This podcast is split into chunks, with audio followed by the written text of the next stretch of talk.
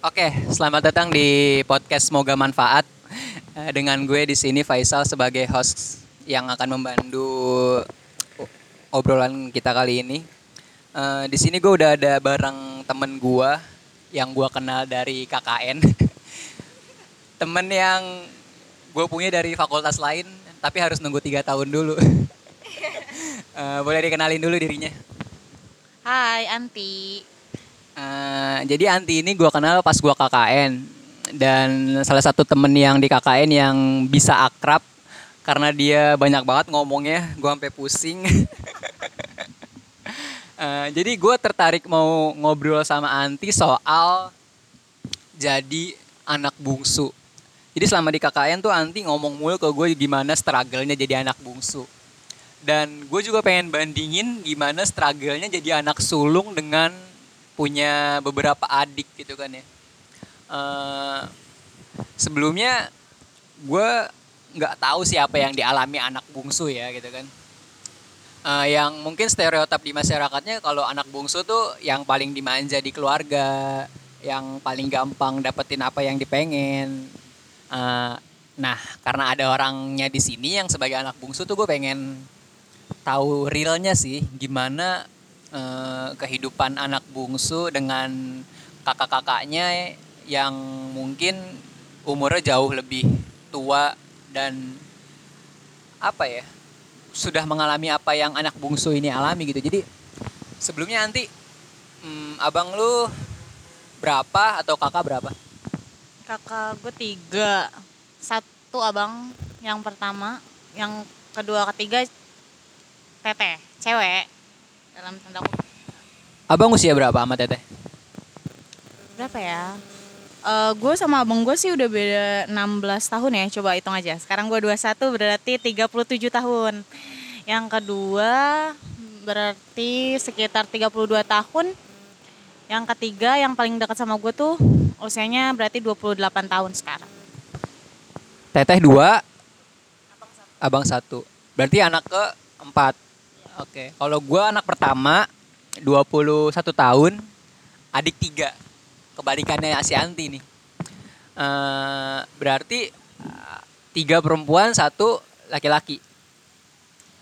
Kalau jadi anak bungsu bener nggak yang kayak gua omong tadi kalau misalkan selalu bisa dapat apa yang dipengen dengan cepat gitu? Enggak juga. Enggak selamanya sih eh, langsung dapet apa yang cepat gitu. Kadang kita pengen ini tuh suka dibandingin gitu loh sama kakak. Kayak eh, kakak lu juga bisa loh kayak gini dulu dengan sendirinya gitu. Kenapa lu harus minta gitu.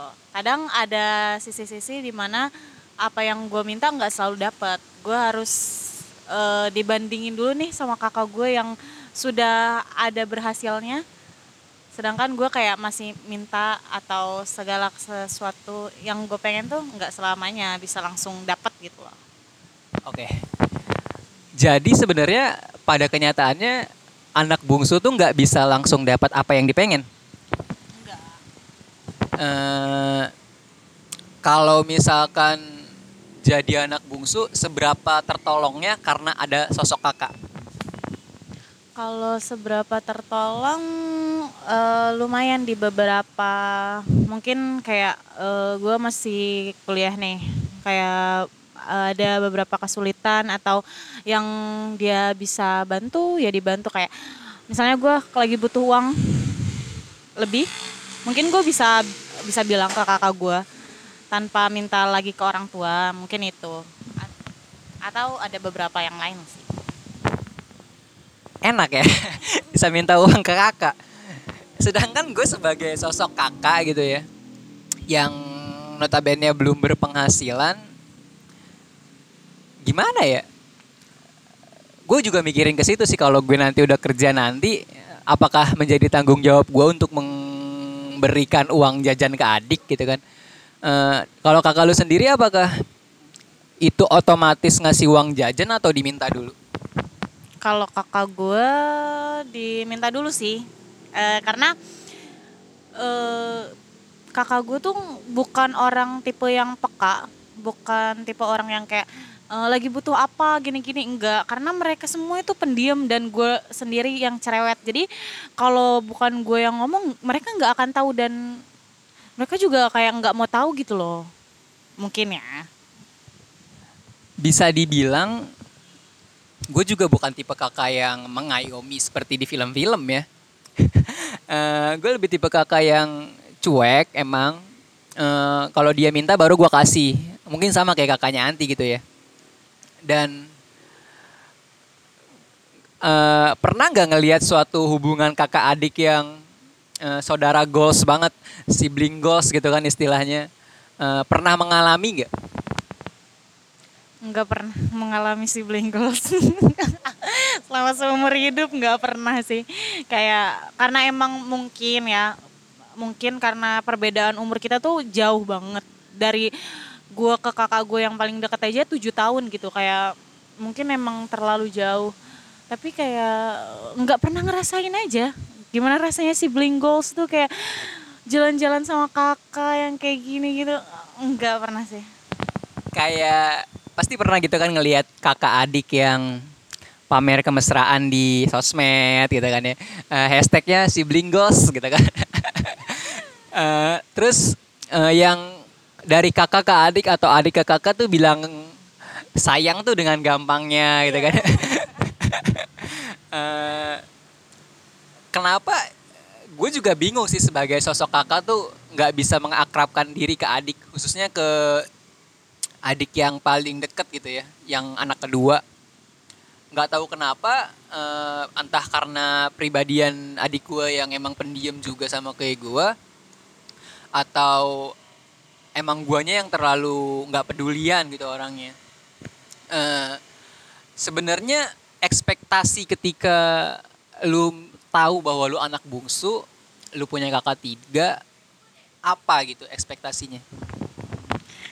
Gue dari dulu tuh kayak apa ya ir iya sih lebih ke iri gitu. Maksud gue eh gue tuh dari kecil ya dari kecil tuh emang kakak gue jauh-jauh sih. Kayak kakak gue tuh yang satu di Bandung yang satu lagi eh, waktu itu sekolah di Garut gitu. Terus kayak yang satu lagi pesantren gitu. Jadi gue nggak pernah ngerasain itu. Ada satu di mana eh gue tuh iri waktu masa kecil gue waktu SD tuh ada temen gue yang dapat nilai pas menggam, mewarnai menggambar mewarnai itu nilainya bagus. Terus gue nanya ini dapat dari mana? Eh dibantuin siapa? gitu. Dibantuin kakak gue gitu. Oh iya dong. Gue kayak aduh eh, oke. Gue mau juga nih nilai bagus. Secara gue nggak bisa ngegambar dengan bagus gitu. Oke gue minta bantuan kakak gue. Kakak gue kayak ogah-ogahan gitu loh. Terus ya udah digambarin sama dia dan dia emang ogah-ogahan karena dan gue nggak dapat nilai bagus di situ. Dan gue selalu iri dengan kakak-kakak yang bisa antar jemput adiknya itu tuh gue kayak mimpi gue tuh kayak sesederhana gue pengen dia diantar jemput kakak gue gitu aja. Gue punya kakak tiga gitu loh kan? Gue se sesederhana itu loh gitu pengennya gitu loh. Nggak tahu. Ekspektasinya jadi jauh dari harapan ya. Eh gue kalau cuma antar jemput adik mah mau gitu ya. Eh dan kalaupun adik gue minta dibantuin ngerjain PR, gue bantuin. Tapi gue nggak bisa yang tipe yang mengayomi gitu. Ayo sini gitu kan misalkan. Tapi kayak ya elah gitu aja nggak bisa tipe abang yang gitu tuh. itu gitu ada caranya di buku itu rumusnya gitu kan eh nggak yang oh ini gini loh caranya gitu enggak Eh, sampai pada akhirnya mereka mereka trauma kali ya diajarin. Nggak mau. Eh, apa ya mungkin gue juga nggak expect eh bukan nggak expect tapi nggak pengen jadi anak pertama sih. Nggak tahu kenapa jadi anak pertama tuh eh oke deh di benak lu ketika mendengar anak pertama tuh eh, apa gitu yang terlintas eh, tanggung jawab. Mengayomi adik-adiknya. Terus eh dia lebih respect ke orang kayak mendekatkan kita kok lebih ke orang tua sih. Karena gue mungkin eh, karena dia anak pertama kayak misalnya mungkin gue mungkin gue dan kakak-kakak gue yang kedua dan ketiga itu mungkin lu agak jauh sama orang tua dia bisa mendekatkan atau eh, sekedar menanyakan bagaimana hidupnya selama ini dan itu gue gue nggak dapet itu sih sebenarnya dan ekspektasi gue pengennya kayak gitu Jujur-jujuran aja gitu ya. Gue eh, kaget ketika nyokap gue hamil anak ketiga. Dalam hati itu berarti gue usia 10 tahun lah. 11 tahun lah gitu kan. Eh, langsung anjir beban gue hidup nambah lagi nih. adik adik kan nanti tanggung jawab gue mau gimana juga gitu. Ini sudut pandang seorang kakak memiliki tiga adik ya. Yang ada di pikiran gue adalah ketika nyokap gue hamil anak keempat ya Allah kita kan dalam hati nambah lagi dong beban gue gitu kan yang ada di pikiran gue adalah ketika nyokap bokap gue udah umur misalkan usia lanjut mau nggak mau mereka ada di tangan gue tanggung jawabnya. Sesederhana ngambilin rapot deh gue males banget. Gue tuh udah ngebayangin nih misalkan eh, nyokap bokap gue udah 50-an deh udah nggak bisa bawa motor atau udah lemes gitu kan ya. Terus gue harus ngambil rapot adik gue. Deh dengan siapa? Oh saya kakaknya ini gitu. terus basa-basi sama guru udah aduh nggak banget deh gitu kan. Eh, apa ya yang diomong anti kan kayak tanggung jawab tuh jadi suatu hal yang kayaknya ditaruh di pundak anak pertama nggak sih?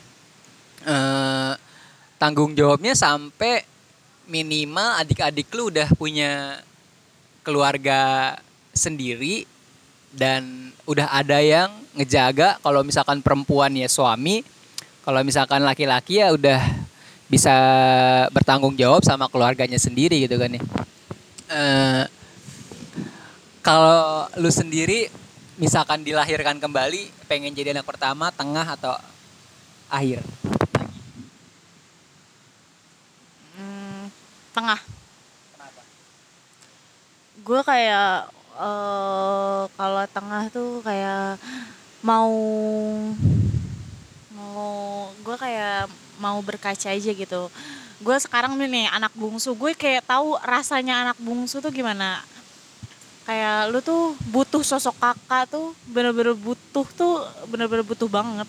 Dan lu juga butuh sosok adik yang kadang eh, menyadarkan lu bahwa ini tuh gue tuh butuh ini loh. Dan gue kalau sebagai kakak seharusnya mungkin pandangan gue adalah setidaknya ada pas adik sedang memerlukan gue. Setidaknya ada walaupun belum bisa membantu. Kalau dan kenapa anak tengah? Gue pengen kayak protes ke kakak pertama tuh nggak terlalu jauh gitu. Gue jadi nggak ngelewatin banyak step kayak gue harus eh, protes ke kakak gue yang ketiga ke kakak gue yang kedua ke kakak terus bisa langsung ke kakak gue yang ke satu tuh kayak nggak melewati step-step itu gitu menurut gue sih kayak gitu Kalau gua pengen sih tengah gitu ya. Eh enggak deng. Gue pengen bungsu aja kayaknya deh. ya walaupun ibaratnya nanti bungsu cuma dapat lungsuran baju dari kakak gitu kan ya. lungsuran motor gitu kan. Atau mainan. eh kayaknya ya mungkin ini dari sudut pandang yang nggak ngalamin gitu ya. Lebih menyenangkan kalau eh, kita punya role model gitu. Role model kakak. Karena pada dasarnya gue sebagai anak pertama salah satu ketakutan gue adalah gue gagal jadi role model. Ya kan? Eh ibaratnya kalau gue nggak sukses secara finansial maupun kepribadian bakal ditiru mau nggak mau kalau misalkan orang tua gue nggak aware ke adik-adik gue pasti adik gue bakal niru apa yang gue lakuin gitu kan Eh, tapi kalau misalkan lu di bungsu, lu punya banyak pilihan. Eh, mau ngikutin kakak pertama atau kakak kedua atau kakak ketiga. Kalau misalkan orang tua lu punya empat anak gitu kan ya. Eh, menurut gue itu jauh lebih menyenangkan. Kalau lu sendiri, eh, menjadikan kakak sebagai role model atau enggak? ada beberapa yang gue jadiin role model gitu. Maksudnya eh gue tuh gue ada misalnya kakak gue mendidik anaknya seperti ini. Atau kakak gue bisa seperti ini. Ada beberapa tapi kayak gue ada beberapa kegagalan kakak gue juga yang bikin gue udah deh nggak usah gitu. Jangan jangan sampai gue seperti ini gitu. Jangan sampai gue seperti ini. Ada beberapa yang kayak gitu karena anak bungsu tuh nggak segampang kayak lu pilihan nih kayak lu bilang tadi. Ini pilihan. Enggak pas lu gagal ada satu gimana lu gagal lu kalau di keluarga gue ya ada satu gagal lu misalnya udah dinasehatin oke ini gimana gimana baiknya gini gini tapi lu ada di mana sindiran yang kayak tapi ke waktu dulu kakak lu bisa kayak gini. Ada di di mana di situ tuh kayak lu diterbangin terus lu juga ngedown juga loh. Walaupun sebagai anak bungsu tuh kayak gitu gitu. Ada kebersa- keberhasilan kakak yang bisa lu jadiin role model tapi itu juga bisa jadi bumerang buat lu. Bisa jadi itu kayak kakak lu bisa kenapa lu nggak bisa? Itu. Kayak gue mulai ngerasain sih eh, enak gak enaknya gitu ya. Eh, sebagai kakak, gue paham gimana rasanya jadi adik ketika lu buat salah gitu ya sebagai anak bungsu kakak lu ikut ngomel. Jadi yang ngomelin lu tuh bukan cuma dua orang tua tapi kakak itu ya. Eh, yang mana ketika lu tahu keburukan-keburukan atau kebusukan-kebusukan kakak lu tapi kakak lu ikut ngomel itu tai banget sih Eh, sebagai anak pertama gue ngelihatnya tuh ada tanggung jawab moral pastinya moral ya yang nggak bisa seenaknya melakukan hal-hal di luaran sana yang kalau sampai kedengeran sama orang tua apalagi kedengeran sama adik eh, malunya pasti luar biasa sih. Eh, kalau lu sendiri eh salah satu keenakannya deh kita bahas positifnya jadi anak bungsu apa? Positifnya kayak mungkin ketika lu nggak bisa misalnya bukan kayak kesusahan eh, orang tua lu kayak coba ke kakak ke kakak lu nih ada kakak gue bantu gitu. Terus kayak em, mungkin gue terlalu tidak mensyukuri diri gue jadi anak bungsu kali ya. Jadi di otak gue kayak buruk gitu. Jadi anak bungsu tuh. Tapi bersyukurnya adalah gue lebih dekat sama orang tua gue sih. Karena orang tua gue banyak ceritanya ke gue gitu. Tentang eh, bagaimana gue selanjutnya nanti gitu. Banyak kegagalan-kegagalan dari kakak gue dan kegagalan eh, sebelumnya tuh yang jadiin motivasi motivasi buat gue tuh jadi jangan lu jangan sampai kayak gini lu kakak lu soalnya udah kayak gini lu jangan kayak gini. Maksudnya bukan eh, kegagalan yang kegagalan yang lu bisa hindari lah setidaknya nanti gitu. Karena emang bener-bener sih gue jadi tempat curhat orang tua gue dan gue lebih deket sama orang tua gue dan kakak-kakak gue tuh nggak bisa dapetin itu gitu. Itu yang bangganya sih dari gue dari Eh, iba- berarti kalau bungsu tuh diberitahu lubang di jalan jangan dilewatin gitu ya. Tapi kalau anak sulung kan yang paling pertama nih jalan. Kalau ada lubang nabrak ya jatuh gitu kan. Eh, jadi sosok kakak yang bijak dan menyenangkan itu eh, mungkin salah satu keinginan gue juga. Sehingga pada akhirnya gue sadar bahwa kayaknya bisa nih adik yang bungsu gue jadiin akrab gitu ya lebih akrab dari yang dua dan yang lainnya. Eh, kalau ngomongin soal sulung dan bungsu berarti gue keinget sama film nanti kita cerita tentang hari ini kan. Eh, di film itu konfliknya adalah gimana seorang sulung atau angkasa ya yang untuk mungkin teman-teman yang udah nonton bisa relate ke filmnya atau ke ke yang gue obrolin. Dan buat yang belum nonton awas spoiler. Eh, sosok angkasa yang diperankan oleh Rio Dewanto gimana struggle-nya harus menjaga adiknya harus menjadi sosok yang bisa menasihati adik dengan baik dan ditekan oleh orang tua lo tuh kakak gitu lo tuh harus bisa eh, menjaga adik jadi role model yang baik dan bla bla bla bla. Dan juga dengan sosok bungsu yang diperankan oleh Amanda sebagai Awan. Eh, lo sendiri merasa relate gak dengan Awan? Eh, ada beberapa yang relate yang kayak eh gue pengen juga dong bangga kayak kakak-kakak gue itu tuh bener-bener relate banget sih buat gue kayak em, kakak-kakak gue bisa sekolah setidaknya di luar Bekasi gitu. Yang eh, lu bisa nge-explore diri lu nih di luar di luaran tanpa tanpa terlihat atau ya tanpa terlihat orang tua lu gitu. Kayak lu bisa salah lu bisa bener dengan sudut pandang lu dan lu tuh bisa nge-explore diri lu gitu. Sedangkan gue bener-bener nggak bisa kayak angkasa kayak awan maksudnya. Kayak awan kayak harus dijemput sama bang Ang- abang angkasa yang di harusnya di kantor tapi di itu karena dia mau explore. Itu tuh gue bener-bener pengen ngerasain itu gitu. Karena gue nggak bisa setidaknya sekolah di luar Bekasi tuh gue nggak bisa nggak bisa kayak kakak-kakak gue yang sekolah bisa sekolah di luar Bekasi gitu. Itu itu relate-nya di situ sih menurut gue. Eh, jadi pada dasarnya anak bungsu tuh terlalu diarahkan. Iya Eh, namun nalurinya pengennya bebas, tapi nggak bisa didapatkan karena ada banyak sosok yang mengarahkan untuk jalan ini loh gitu. Lo nggak boleh jalan sana gitu.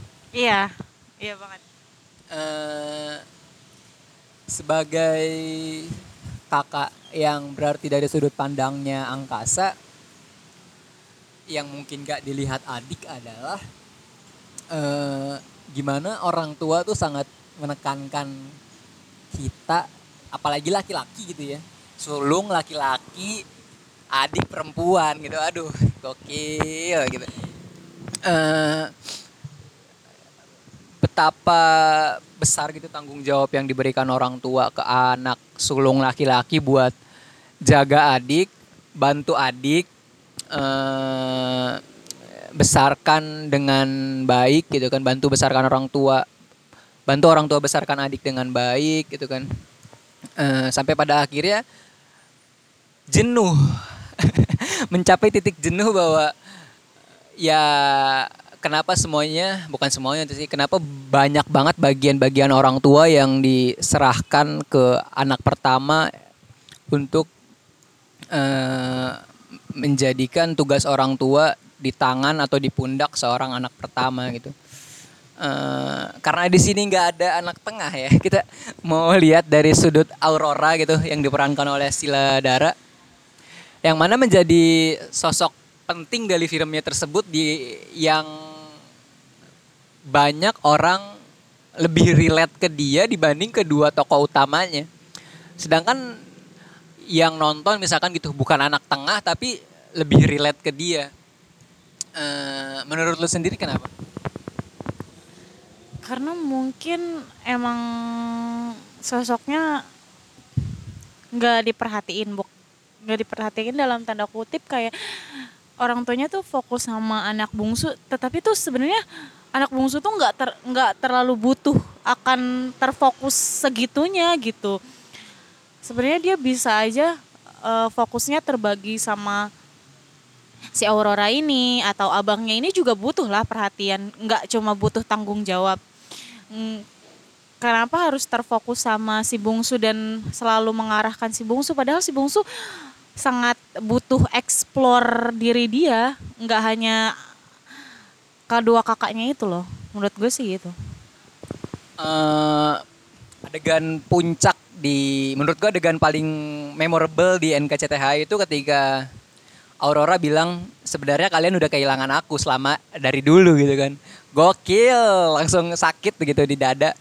Eh, dan juga yang memorable ketika berantem di pameran Aurora gitu kan. Orang Aurora tuh udah sempet seneng gitu semua anggota keluarganya datang eh, lengkap gitu kan. Terus tiba-tiba Amanda atau Awan bro- berantem sama bokapnya kacau lah semuanya. Eh, kalau kakak lu sendiri yang di tengah sependiam itu juga atau enggak? Iya sih, karena emang pada dasarnya kakak-kakak gue memang sependiam itu.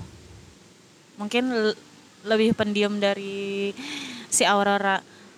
Karena memang benar sih, karena anak tengah tuh kadang-kadang suka terbelakang gitu. Bukan terbelakang kayak gimana-gimana, karena dia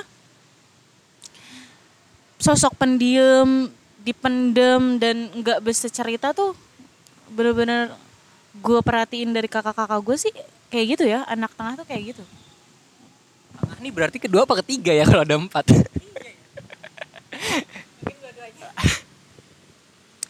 Adikku juga yang perempuan gitu, eh, sama pendiamnya dengan gua, tapi emang kayaknya lebih lebih parah dari gua gitu ya. Eh, kalau di filmnya kan Aurora tuh punya bengkelnya sendiri ya, atau studionya sendiri yang kayaknya itu dunia dia banget gitu. Dan adik gue pun gitu, nggak jarang keluar kamar, lebih banyak di kamar kayak eh, matiin lampu, nyalain lampu tumbler gitu kan, dan sambil pakai earphone kayak eh, edgy banget lah pokoknya gitu. Eh,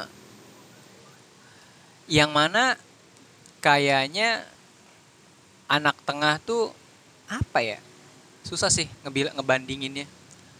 Lu punya teman anak tengah yang lu tahu ceritanya nggak?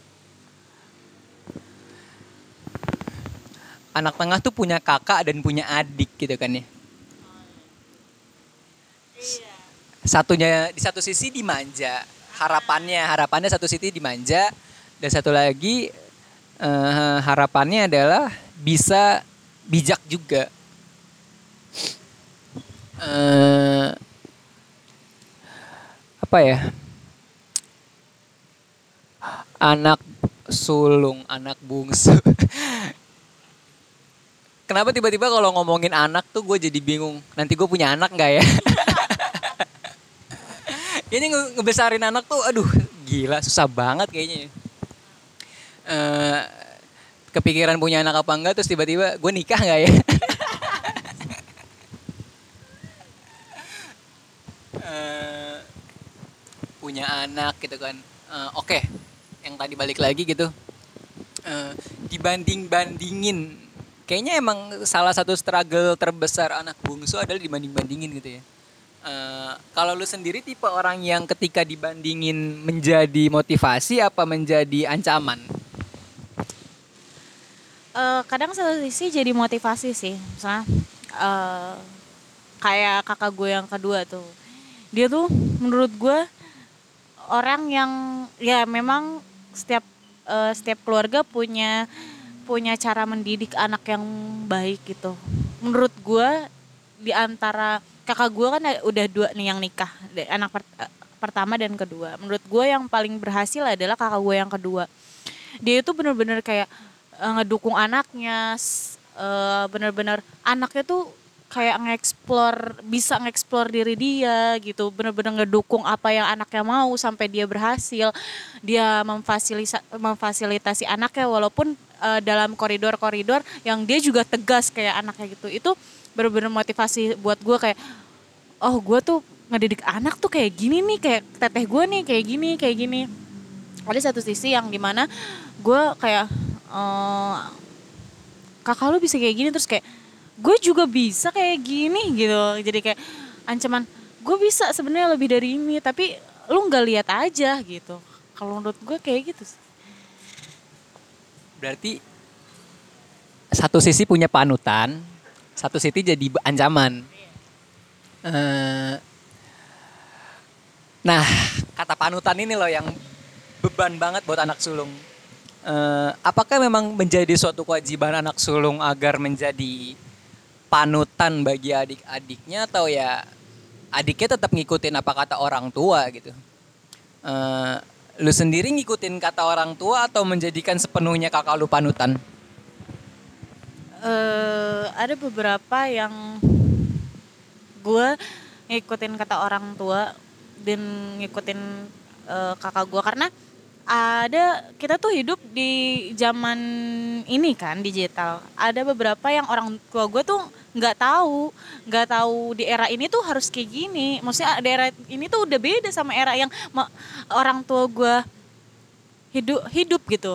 Kayak terus gue kayak kakak gue tuh di era ini tuh seharusnya gini gini gini. Terus tapi ma orang tua gue tuh sebenarnya kayak gini loh beda jauh. Tapi gue ada satu sisi yang ngikutin kakak gue karena gue percaya kakak gue udah kakak gue juga besar di era ini gitu. Tapi orang tua gue kan masih masih terpaku nih sama eranya dia era eh, remaja dia yang zaman dulu. Jadi ada beberapa yang sopan santun ini itunya memang gue ngikutin zaman dulu tapi ada sisi di mana cara pandang gue tuh ngikutin era yang sekarang dan itu ngikutin kakak gue gitu Kalau soal adik dan kakak pasti ada konflik. Konflik terbesar lu apa sama kakak lu? Pernah berantem yang luar biasa besar nggak gitu? apa ya gue sih tipe yang kita tuh karena kakak-kakak gue pendiam ya.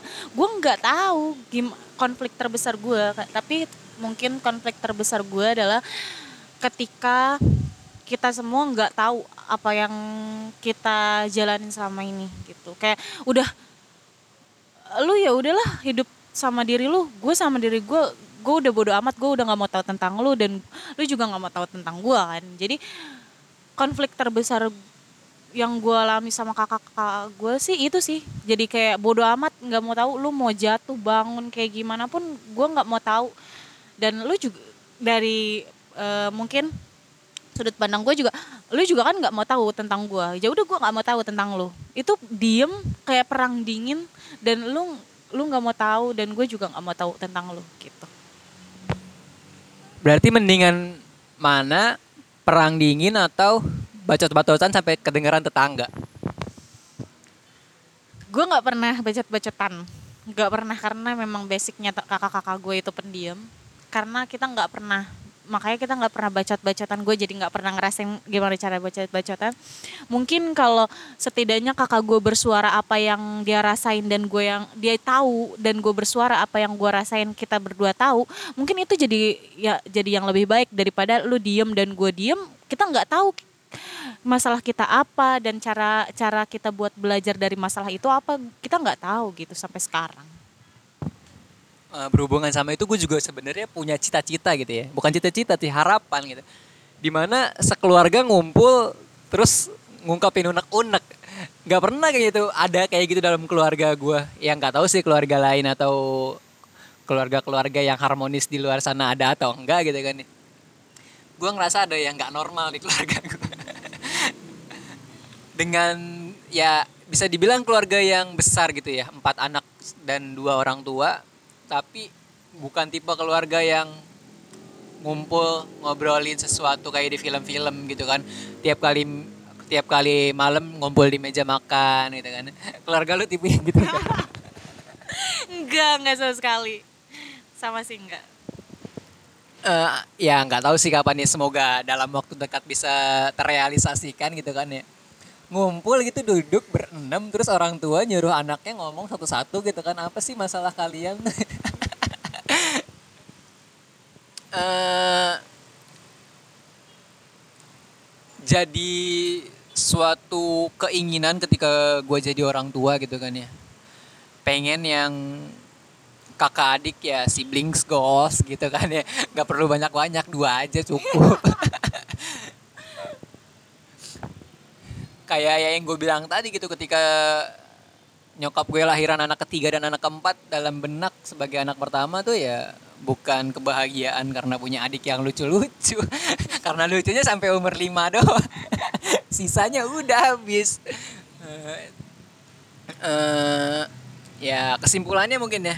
Eh, kesimpulan dari gue bahwa menjadi anak bungsu bukan suatu privilege kemudahan karena bisa mendapatkan apa pun yang dia mau pastinya kan ya? Bukan suatu hal yang mudah dibanding-bandingkan dengan kakak tapi punya panutan tersendiri untuk menghadapi sulitnya hidup. Dan juga sebenarnya jadi anak pertama eh, punya tanggung jawab lebih pastinya. Yang semoga anak-anak pertama di luaran sana bisa menjadi sosok kakak yang baik, bisa jadi sosok kakak yang diidam-idamkan oleh adik-adiknya dan hashtag siblings go. Eh, Oke terima kasih buat Anti yang udah mau gue ajak ngobrol. Eh, semoga manfaat sama seperti judul podcastnya. Sampai jumpa di episode selanjutnya. Terima kasih yang sudah mendengarkan. See you.